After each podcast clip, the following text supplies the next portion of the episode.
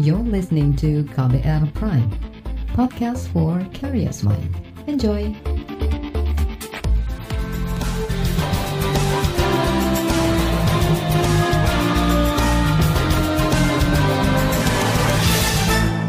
Halo selamat sore saudara, apa kabar Anda sore hari ini? Kembali, KBR Sore siap untuk menjadi teman Anda hari ini di tanggal 14 Februari 2022.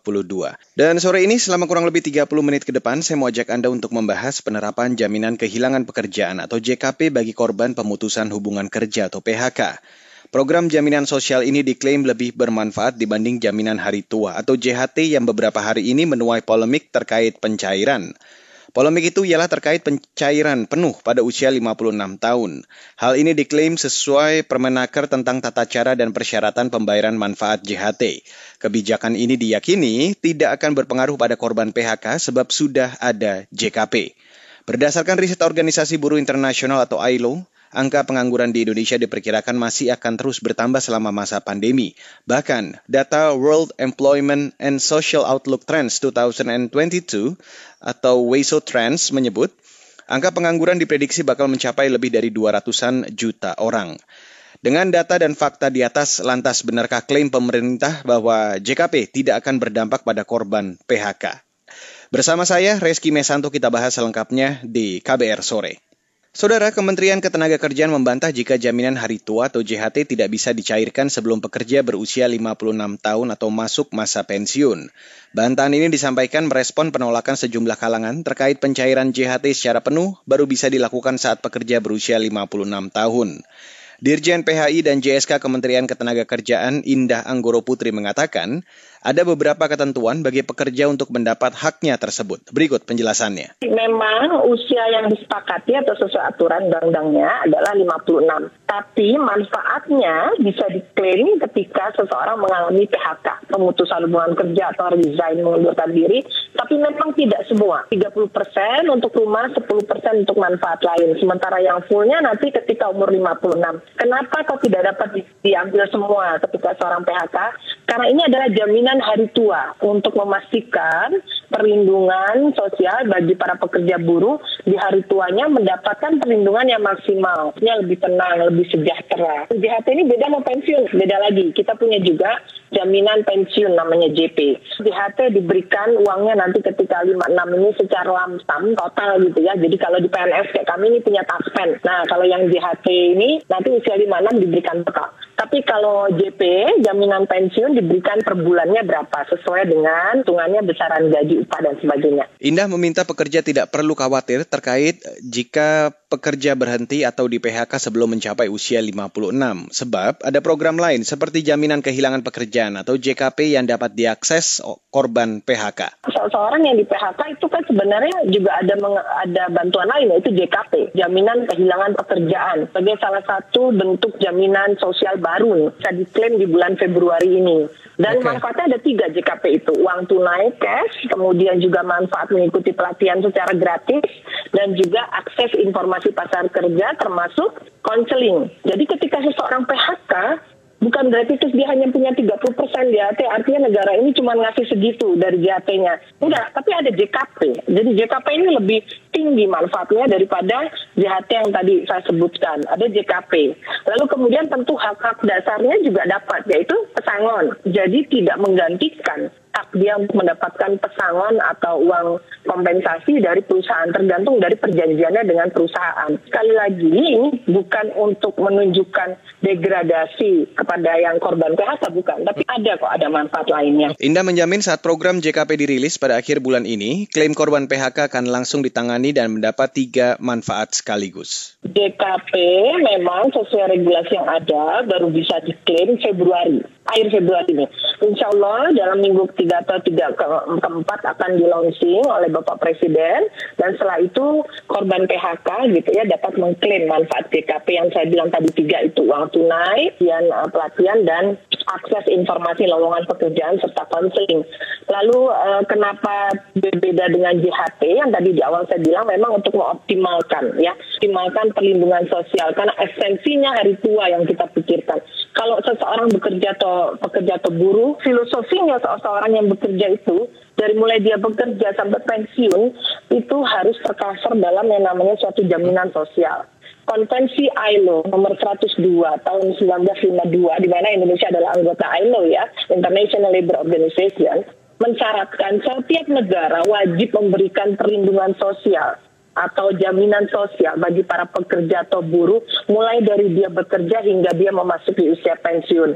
Nah, jadi dari uh, semua aspek yang diamanatkan ILO ini sebenarnya Indonesia sudah memiliki semua bentuk jaminan sosial. Indah juga mengklaim dana JKP sudah dipersiapkan dan tinggal menunggu proses pencairan dari Kementerian Keuangan. JKP dananya ada yang dari pemerintah, dari Kementerian Keuangan maksud saya, ada yang dari pemerintah dananya, ada juga dana dari rekomposisi iuran, misalnya juga dari dana pemerintah. Nah ini sudah kita sedang dalam proses administrasi dan sesuai ketentuan memang akhir Februari ini katakanlah yang mengalami PHK dapat mengklaim manfaatnya. Ada modal dasar dari pemerintah 6 triliun sudah ditransfer ke BP Jam Sostek sebagai modal dasar JKP. Lalu setiap uh, tahunnya ada hitung-hitungan rekomposisi iurannya dari JKK dan JKM juga serta JHT. Ada dasar PP 37 tahun 2021 kan tentang JKP memang mengamanatkan uangnya itu tidak 100% dari negara, memang ada rekomposisinya tapi memang kecil itu karena sangat kecil. Baiklah, itu tadi penjelasan Dirjen PHI dan JSK Kementerian Ketenagakerjaan Indah Anggoro Putri. Kita break sejenak dan setelah break akan saya hadirkan laporan KAS KBR mengenai polemik usia pensiun Permenaker Jaminan Hari Tua. Tetaplah bersama kami di KBR Sore. You're listening to KBR Pride, podcast for curious mind. Enjoy!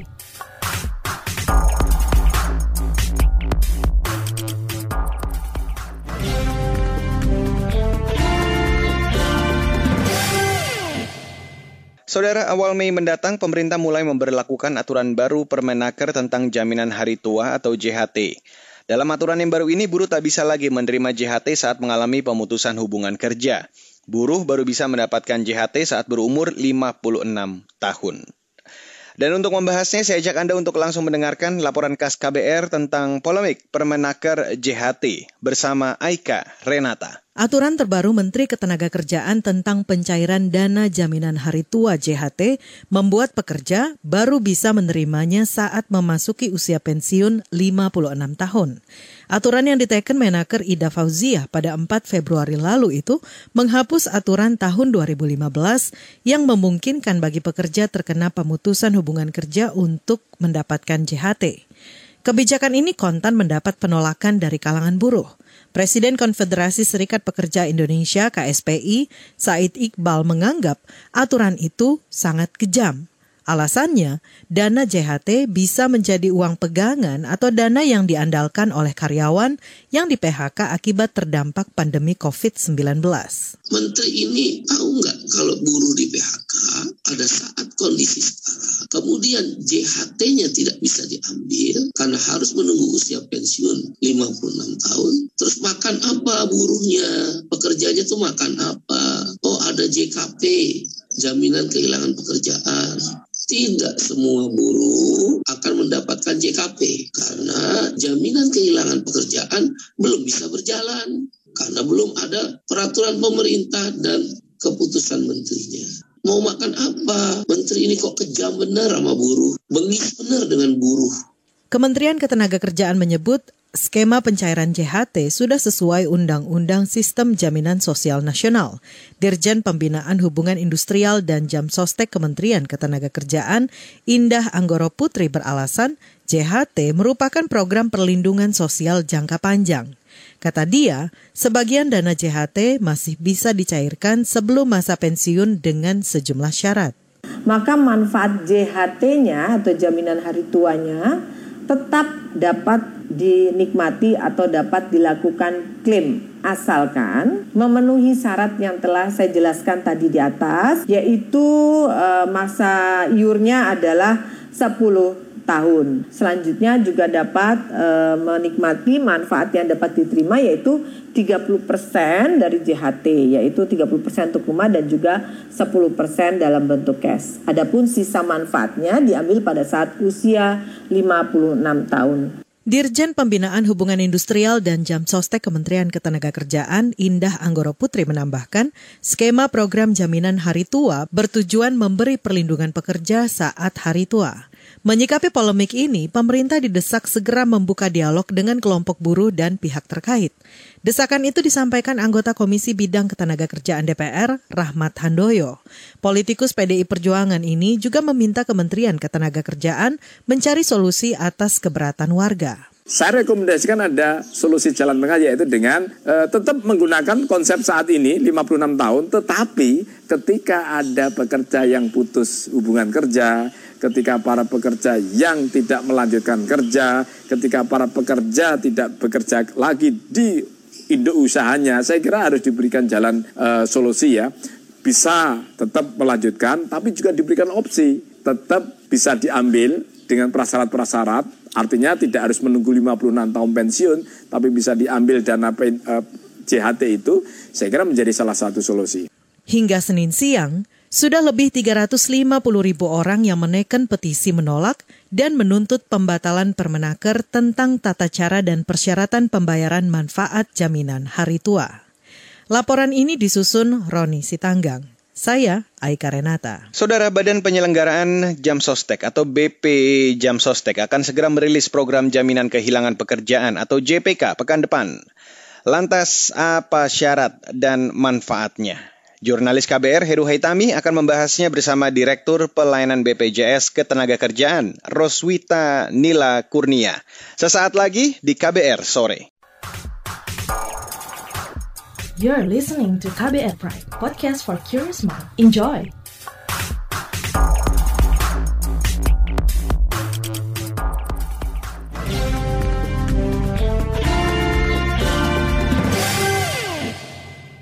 Saudara, Badan Penyelenggara Jaminan Sosial Ketenagakerjaan atau BP Jam Sostek bersiap meluncurkan jaminan kehilangan pekerjaan atau JKP pekan depan. Program ini diklaim bisa dimanfaatkan pekerja yang terkena PHK.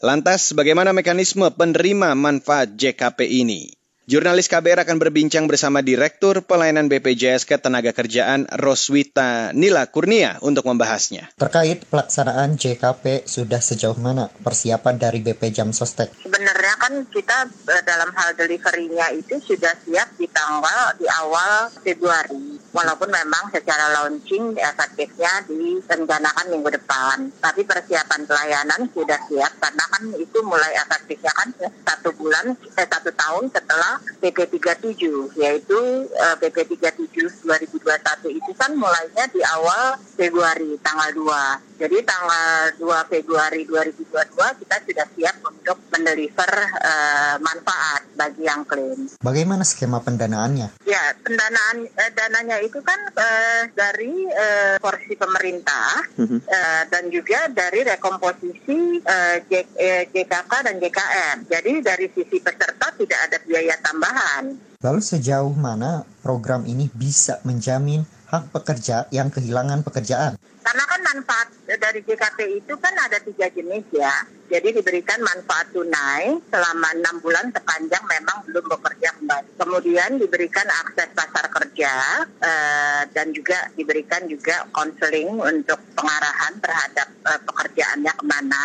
Dan juga yang terakhir itu salah satunya adalah diberikan latihan eh, vokasi untuk peningkatan skillingnya sehingga diharapkan itu menjadi nilai tambah untuk siap bekerja kembali. Apakah sudah ada yang mengajukan klaim? Uh, sampai saat ini kita belum ada yang tercatat mengajukan klaimnya. Mm -hmm. Jadi uh, sampai dengan sejak kita persiapkan di awal Februari. Tapi kalau yang bertanya tentang tata caranya sudah ada di kami. Jadi kami menjelaskan tata caranya gitu. Jadi sampai saat ini memang belum ada yang mengajukan klaim. Lantas apa syarat pekerja bisa menerima manfaat dari JKP ini? Ya, pertama dia harus memang sesuai uh, dari uh, mengikuti program empat program di kami dan tiga program sekurang-kurangnya di luar JP dan juga terdaftar di JKN.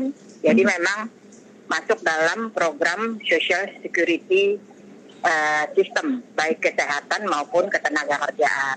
Kemudian nanti akan dilihat dari uh, masa iurnya. Jadi dilihat dalam dua tahun dan sekurang-kurangnya telah mengiur dalam 12 bulan, di mana enam bulan berturut-turut. Itu sebagai dasar eligibilitas untuk calon penerima manfaat.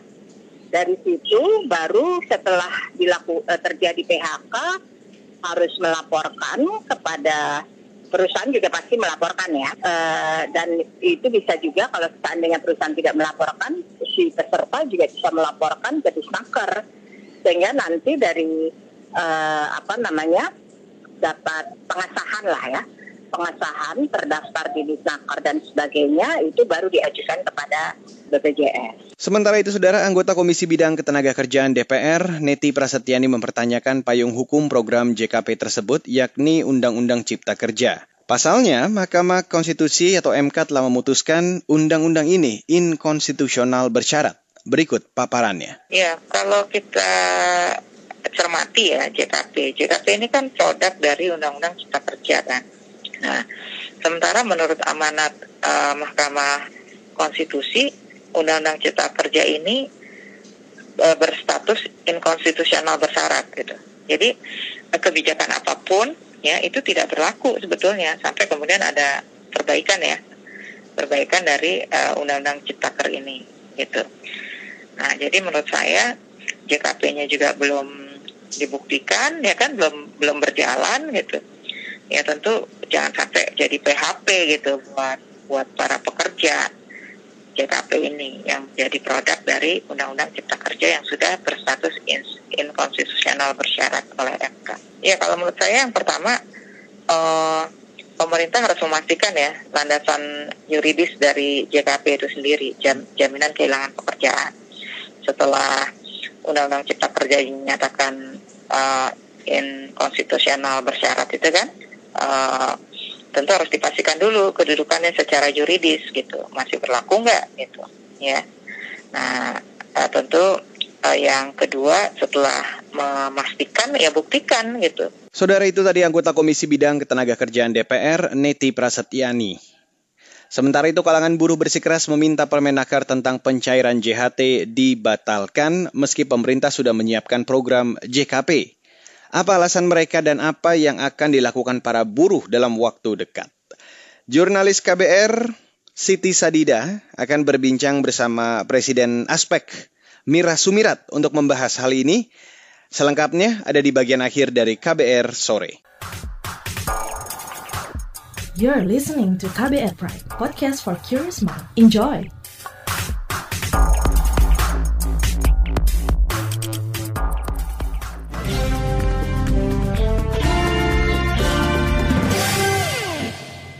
Saudara, Asosiasi Serikat Pekerja Indonesia atau ASPEK menolak keras peraturan jaminan hari tua atau JHT yang baru dapat diklaim ketika peserta BPJS Ketenagakerjaan berusia 56 tahun. Presiden ASPEK Mira Sumirat beralasan pekerja kehilangan kesempatan memperoleh hak dana BPJS Ketenagakerjaan miliknya ketika ia diputus hubungan kerjanya atau PHK oleh perusahaan.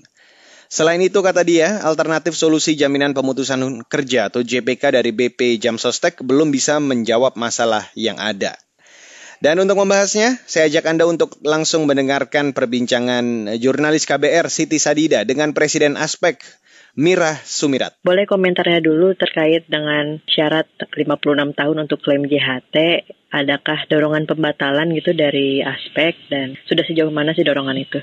Kami menolak keras atas pencairan nakar tersebut. Itu kan uang ya, dana JHT atau jaminan hari tua itu kan tidak ada satu sen pun dari pemerintah. Situasi kondisi buruh kita ini, pekerja kita ini lagi sedang sangat-sangat sulit. Sejak pandemi COVID di Maret 2020 itu banyak sekali pekerja yang di PHK massal lalu dipaksa mengundurkan diri dengan alasan pandemi COVID dan lain sebagainya perusahaannya itu nggak ada pesangon. Kalaupun ada, mereka dikasih setengahnya. Ditambah lagi terbitnya Undang-Undang Cipta Kerja, ditambah lagi 2021 itu mereka nggak naik upah. UMP 2021 JHT di jaminan hari tua. Dana JHT tersebut harapan mereka itu bukan untuk modal usaha. Yang paling penting bagi mereka adalah untuk bagaimana melanjutkan biaya hidup mereka yang memang sehari-hari itu harus dikeluarkan. Kalau misal terjadi di umur 30 tahun pekerja kita, guru kita di PHK umur 30 tahun, Artinya ada masa 26 tahun mereka menunggu untuk bisa mengambil dana JHT tersebut. Kalau ini kita samakan dengan sistem menabung di bank, itu haknya nasabah kan, kapan pun bisa ditarik. Saya clear, saya tidak pernah mempersoalkan ketika pekerja yang bekerjanya itu sampai dia menemui ujung usia di 56 tahun, baru mendapatkan JHT itu clear, saya tidak ada persoalan. Yang kita persoalkan dan kita protes adalah ketika para pekerja ini di PHK di tengah jalan. Pemerintahnya selalu berlindung menyampaikan, mensosialisasikan tentang JKP, jaminan kehilangan pekerjaan. Nah persoalannya yang pertama, jaminan kehilangan pekerjaan atau JKP ini, ini barang nggak tahu apa bentuknya, seperti apa mekanismenya, dan kajiannya seperti apa juga belum jelas. Jadi barangnya belum ada. JKP itu turunan daripada Undang-Undang Cipta Kerja yang telah dibatalkan oleh MK atau Mahkamah Konstitusi di Oktober 2021 lalu yang mengatakan bahwa Undang-Undang Cipta Kerja ini inkonstitusional atau bertentangan dengan Undang-Undang Dasar. Untuk itu, seluruh turunan daripada Undang-Undang Cipta Kerja ini ditahan dulu, tidak boleh dilanjutkan. Artinya, balik lagi CKP tidak boleh dilanjutkan. Jadi, apa pun pembahasan terkait dengan Undang-Undang Cipta Kerja, itu harus tahan dulu harus dihentikan dulu. Tapi pernah ada sosialisasi dari JKP nggak sih ke para buruh gitu? Tidak ada sosialisasi terkait dengan JKP ini kepada para buruh. Gimana mau sosialisasi gitu ya? So kita juga sudah sama-sama tahu bahwasannya Undang-Undang Cipta Kerja hasilnya kemarin dibatalkan dan turunannya itu tidak boleh dilanjutkan dalam hal pembahasan-pembahasan ataupun sosialisasi dalam bentuk apa pun. Kalaupun adanya harus ada kajian yang mendalam gitu secara komprehensif dan perwakilan-perwakilan serikat pekerja yang ada di LKS Tripartit Nasional itu harus dilibatkan saya sudah konfirmasi kawan-kawan yang duduk di LKS Tripartit Nasional itu terkait dengan Permenaker nomor 2 tahun 2022. Ini mereka dibicara-bicara tapi mereka nggak setuju terkait dengan ini. Ya harusnya itu pemerintah nggak boleh tetap meneruskan pekerjaan dengan menerbitkan Permenaker nomor 2 tahun 2022. Ini buat apa kalau itu diabaikan? Jadi tidak ada persetujuan. Terkait dengan JKP juga JKP jelas-jelas mereka tidak pernah mengajak bicara ya. Ini kan seperti program yang apa diam-diam tapi terus kemudian berjalan dan memaksakan kehendak. JKP ini akan bisa dimanfaatkan mulai 22 Februari mendatang artinya kan dekat sekali gitu padahal tadi dasar hukumnya belum bisa dilaksanakan harusnya ya ditahan gitu ya. Gimana pendapat ya, Mbak? Itu itu dia yang disebut dengan pemaksaan kehendak terhadap rakyat gitu loh aneh bin ajaib kalau menurut saya. Ketika tadi saya bilang JKP tidak pernah ada sosialisasi sebelumnya, JKP juga belum ada kajian yang secara komprehensif. Saya nggak tahu ya kajian komprehensif versinya mereka apakah pernah dilakukan atau tidak. Apalagi yang paling kuat dasarnya adalah si Undang-Undang Cipta Kerja sendiri yang kemudian menurunkan peraturan seperti JKP ini juga harusnya nih harusnya nggak bisa dilanjutkan gitu loh. Artinya ada pemaksaan kehendak yang dilakukan oleh negara, oleh pemerintah terhadap rakyatnya dalam hal ini khususnya untuk kepentingan para pekerja dan buruh. Jika minggu depan pemerintah bersikeras gitu mengimplementasikan JKP gitu, apakah ada perubahan pendapat misalnya peraturan yang tadi 56 tahun diberlakukan gitu akhirnya setuju atau tetap pada pendapat awal? Kami mengambil sikap menolak keras dan mengirimkan surat juga kepada Presiden Republik Indonesia dan juga Kementerian Tenaga Kerja dan juga BPJS dan aksi aksi akan kita lakukan secara besar-besaran dari secara nasional maupun secara daerah. Nah untuk peluangnya atau tidak saya kira kalau mereka kita sudah all out gitu ya mereka tetap melakukan ini artinya otoriter jatuhnya gitu loh. Pemerintah ini berarti otoriter tidak mau mendengarkan keluhan atau juga pendapat rakyat yang notabene secara clear situasi ekonomi pekerja buruh kita sedang tidak baik-baik saja tapi mereka memaksa ya lagi-lagi ya rakyat yang akan menentukan sikapnya. Dan saudara, wawancara tadi sekaligus menutup KBR sore untuk hari ini, 14 Februari 2022. Terima kasih untuk Anda yang sudah bergabung sore hari ini. Selamat kembali menjalankan aktivitas Anda di sore hari ini dan ingat, selalu patuhi dan terapkan protokol kesehatan di mana pun Anda berada. Hindari kerumunan, kurangi mobilitas semaksimal mungkin bila tidak ada kebutuhan yang benar-benar mendesak. Dan pastikan Anda selalu menggunakan masker bila Anda berada di ruang publik. Saya Reski Mesanto undur diri dari KBR Sore, salam.